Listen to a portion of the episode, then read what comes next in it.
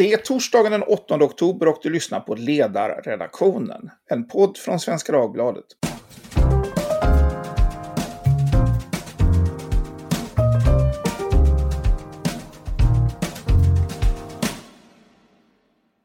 Jag heter Fredrik Johansson och idag kommer vi att prata om gårdagens stora nyhet på migrationsområdet.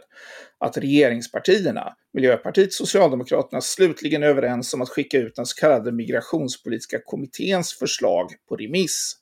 Med ett antal tillägg som ska beredas i regeringskansliet som vi ännu inte vet alla detaljer kring. För att bena ut den frågan och kanske ge svar på vart det här tar vägen har jag med mig Stig-Björn Ljunggren som är politisk chefredaktör på Socialdemokratiska Sydöstran och Tove Livendal som är politisk chefredaktör här på Svenska Dagbladet. Ni är båda hjärtligt välkomna. Tack så mycket. Tack. Ja, man har alltså kommit överens om att remittera ut kommitténs 26 punkter. Huruvida regeringen gemensamt står bakom de här 26 punkterna är väl däremot lite mer oklart. Miljöpartiet var ju eh, eh, under gårdagen eh, lite suddiga på den punkten, eller rättare sagt så var man inte så suddiga utan man står väl kvar där man gjorde tidigare. Och i tillägg till det har man då kommit överens om åtminstone fyra förslag där då regeringen eh, samfälls, som regeringen då samfällt står bakom. Det ena är då en ny regel om särskilt ömmande omständigheter som ska gälla för att få uppehållstillstånd för barn av humanitära skäl.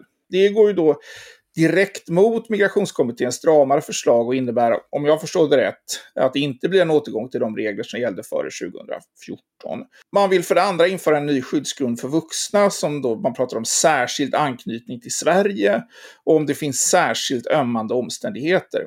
Det blir också en omfattande förändring, en tydlig förändring från, från det som tidigare kallades synnerligen till särskilt. Eh, också här finns en eh, konflikt, eller åtminstone en potentiell konflikt med det som har föreslagits av kommittén. Man öppnar också upp för att lätta reglerna för anhöriginvandring för kvotflyktingar. Eh, lite oklart hur det exakt ska gå till och vad det innebär. Reglerna för försörjningskravet för det fjärde då, för de som berörs av gymnasielagen, lättas upp. Eh, exakt utformning av detta återstår att se. Frågorna bereds i regeringskansliet och eh, eh kommer att remitteras eh, när det är klart, får man då utgå ifrån. Om vi börjar att diskutera den här frågan i sak. Det finns ju ganska mycket kring spelet i migrationsfrågan och vart det här bär eh, vidare, inte minst vad gäller implikationer för regeringsfrågan. Eh, men om vi börjar i sak, Stigman, är detta bra politik? Ja, det här är väl som politik brukar vara, att det är lite suddigt i konturerna på grund av att de som ägnar sig åt verksamheten de måste, i, I den här typen av pappslöjd så, så blir det the noble art of muddling through. Va?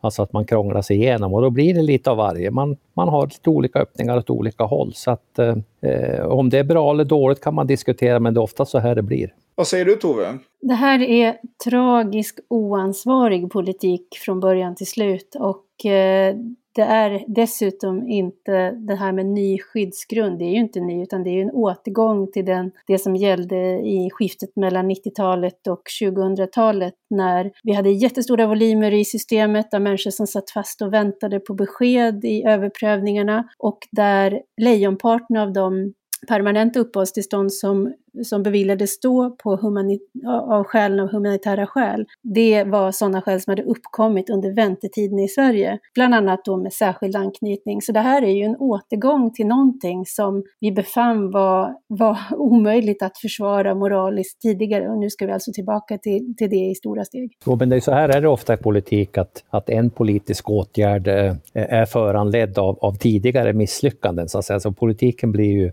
på så sätt självförsörjande av, av av, eh, problem som man själv har, har anskaffat. Och mm. att det blivit så i det här fallet tror jag beror rätt mycket på att det är en väldigt svår materia. Ja, jag håller med om det, men det är ju ändå här, det, det som är så tragiskt här är att hela den här steg för steg hanteringen av någonting som, det, det, det, finns ju antingen två förklaringsmodeller här. Det ena, och ingenting är, är, är, är kul att tänka sig, för det ena handlar ju om att man inte är beredd att från början säga att det här vill vi och vi kommer att gå hitåt, utan man, tar, man liksom äter elefanten i små skivor. Eh, eller också så är det för att man inte förstår konsekvenserna av de kortsiktiga beslut man fattar, utan det blir det här, oj då, blev det så här nu? Oj då, blev det så här nu? Då måste vi åtgärda det. Och inget av de alternativen är, är liksom särskilt trevliga att tänka sig. Ja, innebär inte detta, Stigbjörn, att, att om de här förslagen eh, genomförs, de som man nu då faktiskt är överens om, att, eh, att en del av själva poängen med de här tillfälliga uppehållstillstånden gröps ur och eh, att det kommer innebära att fler som faktiskt inte har skyddsskäl kommer att, eh, kommer att få stanna? Jaha, de kommer att få stanna därför att det finns ja, speciella skäl, speciellt ömmande skäl att de eh, kanske har blivit svenskar va, under sin tid här och då tycker man att det är eh, lite magstarkt att skicka, skicka ut dem härifrån. Eh, men alltså, eh, jag tycker också vi ska tona ner läget lite grann beskrivning av det här. Det är för fan en remiss som ska gå ut. Och på parti, partiledarna så låter de pratar om att det har blivit krig i riksdagen. Va?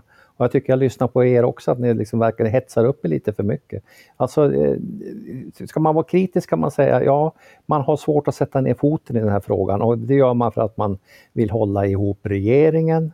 Man gör det därför att eh, Socialdemokraterna har en starka spänningar inom partiet och man gör det därför att, att alla partier här utom möjligtvis Sverigedemokraterna och möjligtvis också eh, Miljöpartiet och Vänsterpartiet, de har Eh, har också svårt att sätta ner foten och, och, beviset för det är ju att de har flaxat. Va? De två stora statsbärande partierna, Socialdemokraterna och Moderaterna, har ju inte direkt varit, eh, vad ska vi säga, eh, linjära i den här frågan. Men det fanns ju en möjlighet att komma överens mellan, eh, mellan Moderaterna och Socialdemokraterna ja. i, den här, i den här kommittén. Ja. Och de här 26 förslagen i kommittén som då Socialdemokraterna har ställt sig bakom, eh, de, de stödjer ju, eh, Miljöpartiet stödjer bara tre av dem. Ja. Och de tre är ju dessutom eh, saker som eh, man i kommittén har varit eh, i grund och botten överens om. Två av de saker som Miljöpartiet stödjer i kommittén är ju till och med Sverigedemokraterna för. Ja, men jag kan bara hålla med. Va? Och, och, och eh, det som spelar mest roll är väl, tror jag, att väljarna och inte minst de före detta socialdemokratiska väljarna håller också med om det här. Vad säger du om det? Process, förutsättningarna för att eh, sluta en bredare överenskommelse här, Tove. När brände man den möjligheten? Ja, alltså... Det, man, här finns det ju flera saker som, som är överordnade eh, sakfrågan att Sverige ska ha en liksom, rimlig och långsiktigt hållbar migrationspolitik. Och det ena är ju då som Stigbjörn har nämnt, det är liksom viljan att hålla ihop en regering och att inte bli av med regeringsmakten. Och eh, jag menar, ja, det gör ju att i den här frågan så får man välja. Antingen så väljer man regeringsmakten med Miljöpartiet eller också så, så väljer man den här långsiktiga politiken. Och, så att jag, jag vet inte, om jag går tillbaka och liksom, vi har ju skrivit om de här frågorna eh, löpande och jag är rätt agiterad därför att jag tycker att det är sånt fruktansvärt glapp mellan den här högstämda retoriken och vad man faktiskt levererar politiskt i praktiken. Så jag tycker det är, det är, det är en skam eh, faktiskt därför att man målar ut sig själv som liksom har de, goda skälen på sin sida, men människorna som har suttit i de här systemen och som också fortsatt gör det, far extremt illa. Och dessutom så, eh, det det också politiskt leder till, det är ju att du steg för steg ger Sverigedemokraterna mycket mer inflytande än vad de hade behövt haft om man hade tagit tag i de här frågorna på ordentligt skäl. Så att jag, jag tror att det där var nog Eh, det, det, kanske, det, jag vet inte om det fanns skuggan av ett hopp, det var ju liksom när man gick in i den här kommittén och talade om att man skulle hitta, då kände jag nog själv att vi får väl se vad det blir därför att det går, det gick att redan på förhand se att även om alla går in med viljan att vi ska komma ut med bra politik så är det ju så att det finns vissa saker som trumfar eh, allt och att in, behålla regeringsmakten är ju en sån fråga. Ja, nej, men jag har ingen direkt invändning mot detta utan, och folk var illa. Och, eh, det är ett par år sedan nu som jag var i Edsbyn och eh, efter ett möte där så kom det fram en kvinna som var bara några år i Sverige och pratade eh, väldigt bra svenska, dessutom med hälsingedialekt. Fantastiskt! Ja, fantastiskt. Och hon sa något i stil med alltså, varför har ni tagit hit oss när ni inte vill ha oss här? Eh, och, och det, det, har jag träffat på i andra sammanhang också, att det, det, här, det här har man misskött, eh, tror jag, från, från första början. Men tyvärr, så här är det med politik också, ska vi ha klart för oss. Att politik är ju det möjligas konst. Va? Och, och Eh, eh och Bismarck har sagt någon gång att, att man gör korv och politik ska man inte titta på. Va? Det, och det blir sällan speciellt konsekvent. Ja, det, det är sant, men samtidigt så om man tittar runt i världen så finns det ju faktiskt exempel på länder där politikerna på ett annat sätt än de svenska har lyckats ta sig samman och hitta system som är mycket mer hållbara, som inte gör att man måste vartannat år införa tillfälliga lagstiftningar. Och en av de sakerna som skulle kunna ha spelat roll, och det har vi påtalat på ledarsidan, eh, just för den här gruppen som det har engagerat sig så många aktivister för och som man kräver särlagstiftning för på ett sätt som inte skulle vara särskilt bra. Eh, men det är ju det som man har i Kanada som handlar om försörjningsgarantier där både ideella aktörer och privata kan gå in och vid sidan av kvotflyktingar, vid sidan av asylmottagandet faktiskt hitta vägar. Och det är ju någonting som jag menar, finns det en vilja att hitta någonting som är hållbart och som dessutom gör att man kan ha ett folkligt förtroende för en politik som håller, då, är det ju, då måste man ju liksom gå ut och titta på andra som har lyckats bättre än vad Sverige har gjort. Ja, alltså vi har ju ett, ett rätt bra facit på vad väljarna tycker om den svenska mm. politiken och det är ju att det kommit in ett helt nytt parti som tidvis har, har vuxit så pass rejält att de har varit på väg att bli det största partiet. Och det är klart att det är ju ett, eh, ett slags kvitto på vad väljarna tycker om, om den, den politiska linjen. Och då ska vi ha klart för oss att svenska väljare de gillar ju mer och mer det multikulturella eh, samhället. Eh, det är inte så att de har gått i en annan riktning när det gäller det. Samtidigt så säger de att det har kommit hit för många. Va? Eh, och det är en del som tycker att det är inkonsistent men jag, med rätt politik så skulle det inte behöva vara det. Men det finns ju en inkonsistens här i rakt igenom regeringen och man kan ju säga att den inkonsistensen finns ju rakt igenom hela det svenska politiska systemet. Men det är det ena partiet ställer sig bakom då 26 av de här punkterna och det andra partiet ställer sig bakom tre, varav eh, åtminstone två är då, råder det full konsensus kring i, i, i kommittén.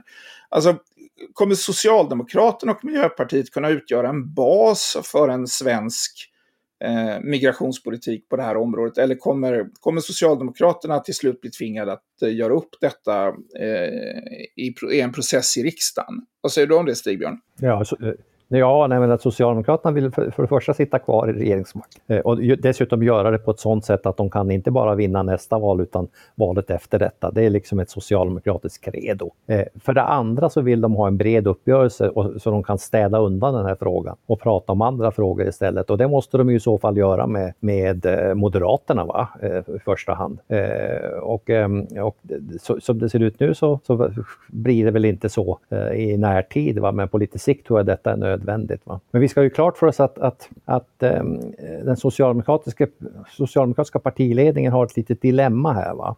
Det är inte bara att de ska hålla ihop regeringen och allt vad det innebär, utan de ska ju också hålla ihop partiet. Eh, och de ska försöka vinna tillbaks väljare. Och inom partiet finns det rätt många av det som kallas för aktivister som har en väldigt generös eh, syn på, på, på invandringspolitiken och så att säga mer eh, lutar åt det miljöpartistiska hållet. Va? Eh, och de aktivisterna, lyssnar man på dem, då eh, får man vara glad över om man är ett 20 parti. Eh, å andra sidan så, så om man då ska lyssna på sina före detta väljare, då är det ju den här riktningen man ska gå. Va? Men då får man aktivister aktivisterna på halsen. I vilken, i vilken i vilken riktning ska man gå?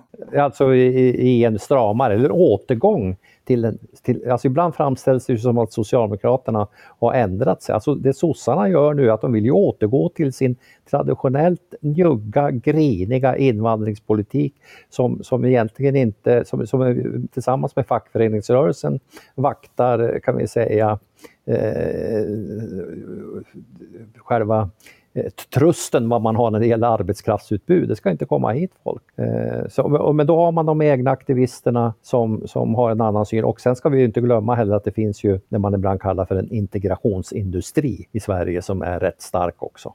Men om man, om man ser på möjligheten att landa den, ja, det du kallar för den lite grinigare invandringspolitiken, den, den möjligheten finns ju alldeles uppenbart parlamentariskt. Alltså ja. det är ju, om, man, om man ser till, ja, till, vad, till, till, till förhållandena i riksdagen så hade det varit ganska enkelt att lägga, lägga fram en politik som, eh, som mer än väl då täcker in det som migrationskommittén liksom täcker. Eh, men det är ju alldeles uppenbart att man inte gör detta utan att eh, relationen till Miljöpartiet är, och, som igår, är ju så viktig att man är villig att kompromissa med, även med det man, man har kommit fram till och stött i kommittén. Ja, man försöker hanka sig fram till valet och sen efter valet så kanske inte Miljöpartiet är med i ekvationen längre. Man köper, man köper, sig, man köper sig tid och eh, priset för att göra det är kan, ja, man hoppas att man slipper så att säga, betala det priset i form av, i form av eh, vad som blir långsiktig politik på det här området. Ja, politik handlar oftast om att köpa tid alltså. Så är det.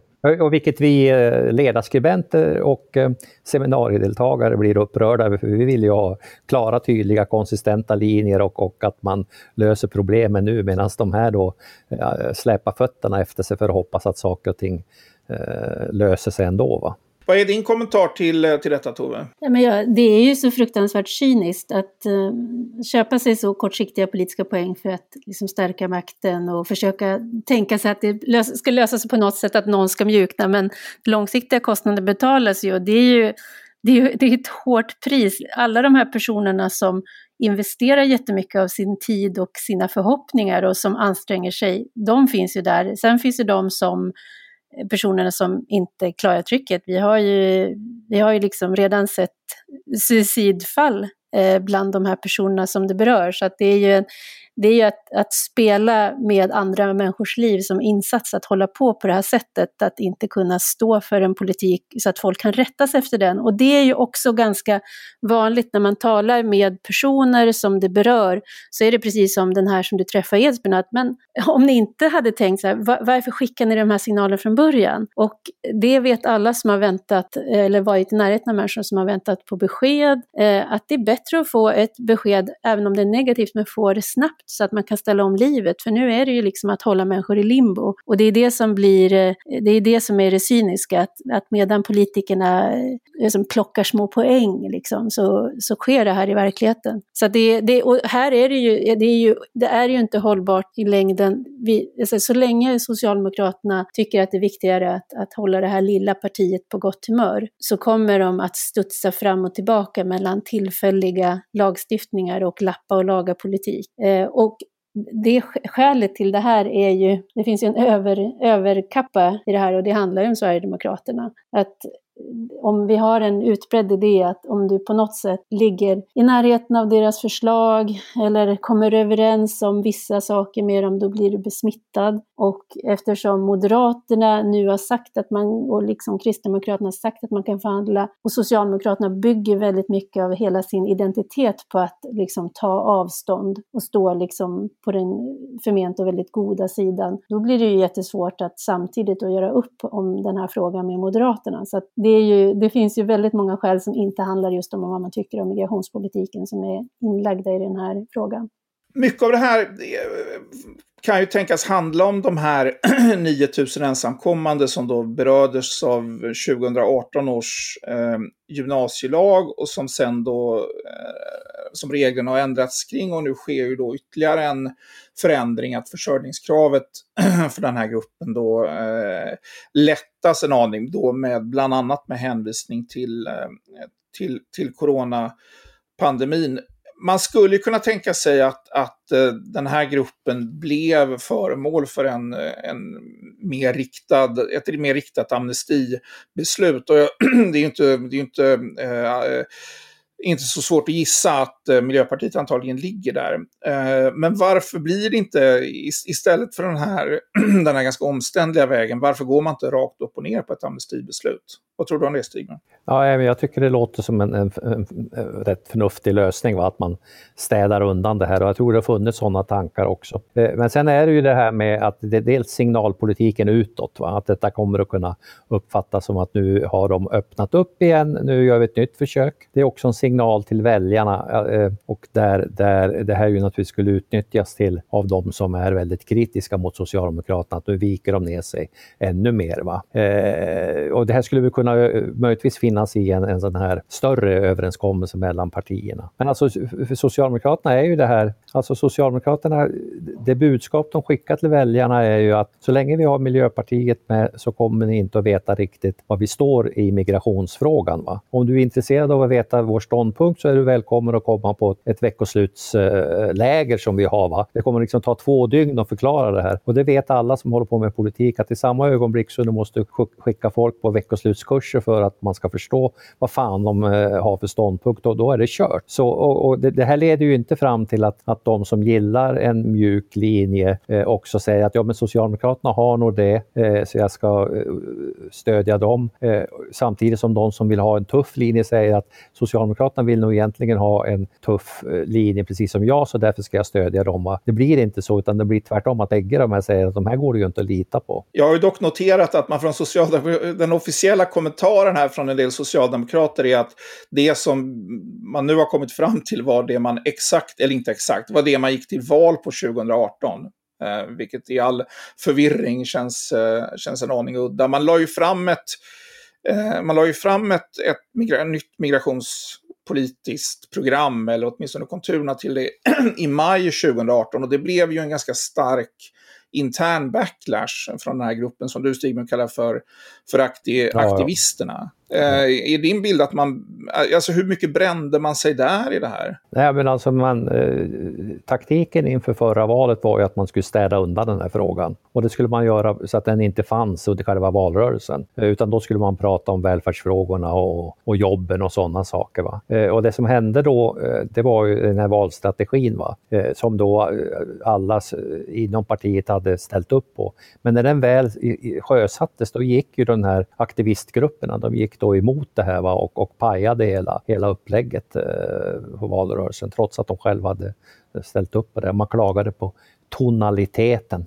Men du ska nog se att de kommer säkert att lyckas fiska upp någonting som Branting sa 1920 också som, som indikerar att det redan då var det här som gällde. Ja, följer linjen från 1920. Det. Alltså, får jag bara säga apropå det här med frågan om amnesti, för det är ju, jag menar, den är ju uppe lite då och då och 2005 så var det en amnesti för papperslösa, vilket eh, Migrationsverket sen kunde peka på var en tydlig orsak till varför vi fick en större tillströmning till mm. Sverige. Mm. Ja. Så att, och det, det här, I grunden så är det så att människor svarar på incitament.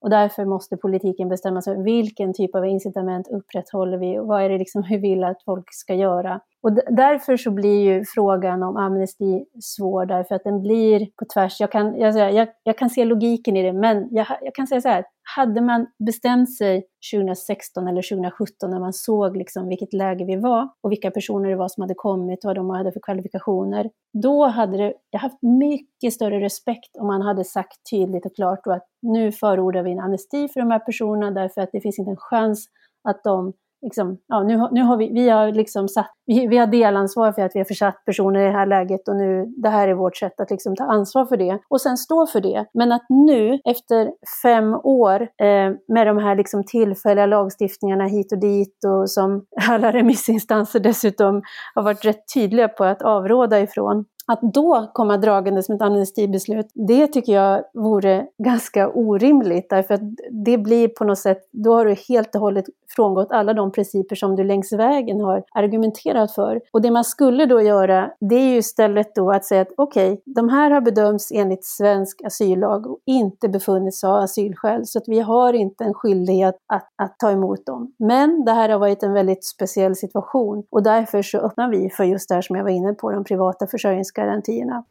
Oh det skulle, det skulle vara också ett sätt därför att det har, det har, det har redan, tror jag, stretchat, och det är, ju, det är ju då framväxten av Sverigedemokraterna ett väldigt tydligt kvitto på, när du upprätthåller en politik på det här området som människor inte ser bygger på någonting som du kan förklara just utan att gå en två timmars kurs. Och det, ja. vi måste komma ifrån det.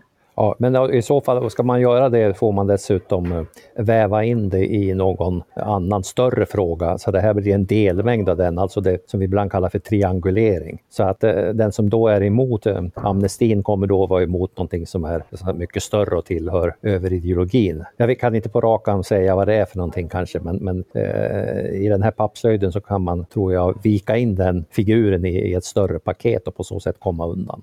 Men det kräver lite mer handlag tror jag än de här pojkarna och flickorna har just nu. Det krävs en vuxen i rummet som det sägs ibland. Ja, men det, det, det, 2005 är ju, är ju intressant för att det påminner ju ganska mycket om det här. Det var ju dåvarande socialdemokratiska regeringen blev ju pådriven av Miljöpartiet i den här mm. frågan och, eh, och öppnade då upp för att kunna ge fler, uttalat för att kunna ge fler uppehållstillstånd liksom till, eh, till papperslösa. Så det, det finns väl antagligen också ett visst institutionellt minne inom socialdemokratin framförallt om vart det här vart det här tar vägen. och jag tror att om man pratar triangulering i den här frågan så det, det krävs ju en, alltså det överideologiska greppet för att få med alla i det här. Jag har väldigt svårt att tro att det finns. Jag menar, mot bakgrund av exempelvis då att eh, Sverigedemokraterna redan nu förklarar krig i den här frågan så känns det ju inte så sannolikt. Men jag tänkte på det här med, med, om nu, eh, om vi går tillbaka, vi ska inte prata ytterligare historia här, om vi går tillbaka till 2018, då hade ju ändå hade Stefan Löfven velat sluta en bred överenskommelse i den här frågan eh, för att få bort den från agendan, då fanns det ju på andra sidan, fanns det ju, på Moderaternas sida fanns det ju, ett, finns, fanns det ju en partiledning som hade ett likartat intresse och som dessutom sträck ut handen till Stefan Löfven. Alltså Ulf Kristersson gjorde ju detta omedelbart när han tillträdde som ja. partiledare. Ja. Ja. Eh, och då var ju alldeles uppenbart att det var ju inte Löfven intresserad av. Eh, av skäl som man kan, spe kan spekulera i. Så det är ju... Frågan är, ja, frågan är vem som flest Svarte Petter, så att säga. Liksom, och Jag tror vi ska ha klart för oss att Löfven har många styrkor, men han har också en eh, kan uppfattas ibland eh, som en svaghet och det är att han på något sätt är ordhållig. Det är en sån här eh, krämpa som han har dragit med sig från fackföreningsrörelsen, att har man liksom tagit hand på en sak så, så är det det som gäller. Va? Eh, så han har svårt att, att, göra den typen av piruetter. Sen är jag väl lite oklar på vad han själv egentligen tycker i den här frågan. Jag undrar om inte han själv är så att säga, en återspegling av socialdemokratins problematik här, att man, man dels vill ha den här strikta eh, linjen, men man är samtidigt också oerhört känslig för de här liksom humanitära aspekterna. Eh, och då blir det inte lätt att hantera sånt här. Nej, och i grunden det är det som jag tycker är så tragiskt, för att, att svenskar i undersökningar, så här, spontant så är det en vilja att hjälpa till och den har varit med oss länge och det är ju någonting värdefullt. Och på det här sättet som politiken nu hanterar de här frågorna så eroderas ju viljan därför att man ser att politikerna tar inte ansvar för konsekvenserna av att öppna hjärtan och sådär, utan det, är liksom, det räcker bara till att man öppnar dörren, men sen vad som händer i farstun, det tar man liksom inte ansvar för. Och det tycker jag är tragiskt, därför att det är ju någonting i grunden att vara stolt över, att, att liksom, instinkten att vilja göra, eh, göra någonting gott, det är någonting att ta hand om, men det här har vårdats så dåligt. Nej, men man kan ju tillägga där också att det är ju med den här dysfunktionella eh, Eh, flyktingpolitiken eller migrationspolitiken som har drivits under lång tid så har ju så att säga den viljan att hjälpa till kan ju också, har, blir ju också missriktad eftersom så mycket av den här politiken blir inriktad på att eh, eh på, på, på, på, på individer som faktiskt inte har skyddsskäl. Och det, eh, och det är ju ett, det är ett, det är ett problem att vi har liksom att det finns en vår hävstången på vår, vår flyktingpolitik blir liksom dålig för att vi, vi, vi liksom ägnar oss inte att fokusera på de som har de tydligaste liksom, eh, skyddsskälen. Ja, jag, jag menar att det finns en massa människor då som inte har skyddsskäl, men det som har hänt här, det är ju att de har skaffat sig kontaktnät och de har kommit in i det svenska samhället och när då den här politiken som de flesta eh, då är överens om, att, att du ska ut om du, inte, om du inte har skyddsskäl, när den kolliderar med den här personen man har lärt känna, som kanske är en del av familjen eh, eller bekantskapskretsen, så säger man jo, det gäller alla de andra, men inte, inte den här eh, killen, va? Eh, kille är det ju oftast. Eh, Eh, och då får vi de här eh, uppropen från skolan och, och påtryckningar. Men hur kan ni kasta ut en person som, som har alla de här liksom fördelarna? Så, och, och de blir alltså fler och fler som har eh, någon sån här i sitt nätverk. Va? Så, så det gör att det här eh, med tiden blir mer och mer komplicerat. Ja, och fast det är ju, tänker jag, det, det, det är naturligt, för så fungerar människor. Att de, de alltså väldigt många gör sitt till för att det ska fungera, man knyter kontakter. Och det är det jag menar att eh, det är därför politiken som vi har idag och det vi diskuterar inte räcker till. Därför att de här personerna har, in, de har bedömts upp till tre gånger inte ha asylskäl. Så då kan vi inte ändra asyllagen bara för att det ska få plats. Eh, och amnesti är som sagt var, det det är så här, det är också lite kortsiktig lösning därför att det skapar också konsekvenser som vi inte kommer att tycka är bra. Och därför så måste man fundera på, finns det möjlighet för de personer som har etablerat en kontakt att kunna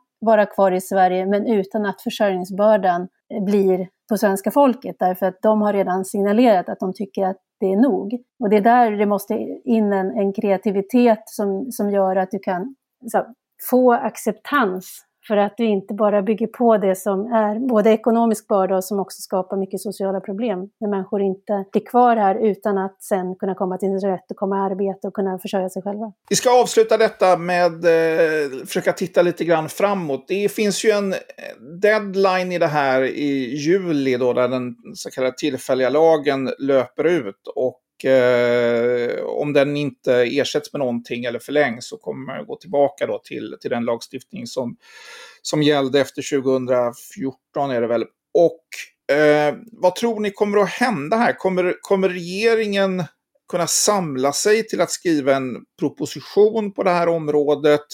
Eh, och vad är förutsättningarna för att den går igenom riksdagen? Och eh, man flikar in en ytterligare fråga detta. Vad, vad, vad, betyder det här, tror ni, för hur oppositionen agerar i andra frågor? Har detta ökat eller minskat möjligheterna för att det kommer riktas ett eh, Eh, misstroende mot, eh, som i och för sig inte är kopplat till den här frågan, men hur kommer misstro, en eventuell misstroendeomröstning mot Stefan Löfven eh, spela ut givet detta? Nej, jag tror inte på det därför att, att den här coronakrisen kommer vi att leva med fortfarande då. Va? Och eh, då tror jag att de här tar sig samman och inte håller på att trixa för mycket utan hellre skjuter upp det och ägnar sig åt att försöka få upp Sverige på banan igen, eller världen på banan till och med. Så att det, det, det, talar väl för att, att det här kommer att leva, leva kvar fast, fast eh, ligga på lagerhyllan så länge. Och hur skriver man en proposition om ett eh, kommittéförslag där en är för 26 förslag och det andra partiet är för tre? Ja, man skjuter på det. Fast det kan ju inte riktigt göra det om nu den tillfälliga lagen... Ja, då skulle du förlänga den tillfälliga ja, lagen ett varv ja, till då? Eller ja, hur? ja, ja. ja. det är, den kritiska situationen i, i nationen kräver detta. Så är du emot det här så är du emot Sverige. Ja, det låter ju som en ganska eh, hård anklagelse. eh, Tove, vad säger du om det här? Ja, nej tyvärr. Jag tror ju också att eh, det kommer att förhalas, även fast det ju inte är tidsaspekten som är problemet. Det är precis som parterna som misslyckades här med LAS-frågan, eh, det är inte tiden. Hade de haft mer tid hade de inte kommit överens, utan i grunden finns en väldigt stor skiljelinje i hur man ser på saker och ting. Och det kommer, eh, jag tänker att eftersom regeringsfrågan är överordnad så kanske det inte kommer att se någon mer långsiktigt hållbar politik förrän Sverigedemokraterna med eh, en fas har blivit största parti och tvingar fram liksom en, eh, en handlingskraft som hittills ännu inte har setts. Det är lite dystert. Tack så mycket. Ni har lyssnat på Ledarredaktionen, en podd från Svenska Dagbladet. Vi har pratat om migrationskommitténs förslag som nu går ut på remiss med några saftiga miljöpartistiska påhäng. Med mig idag har jag haft Sigmund Ljunggren som är politisk chefredaktör på Socialdemokratiska Sydöstran och min kollega Tove Livendal här på Svenska Dagbladet. Jag heter Fredrik Johansson och stort tack för att ni har lyssnat.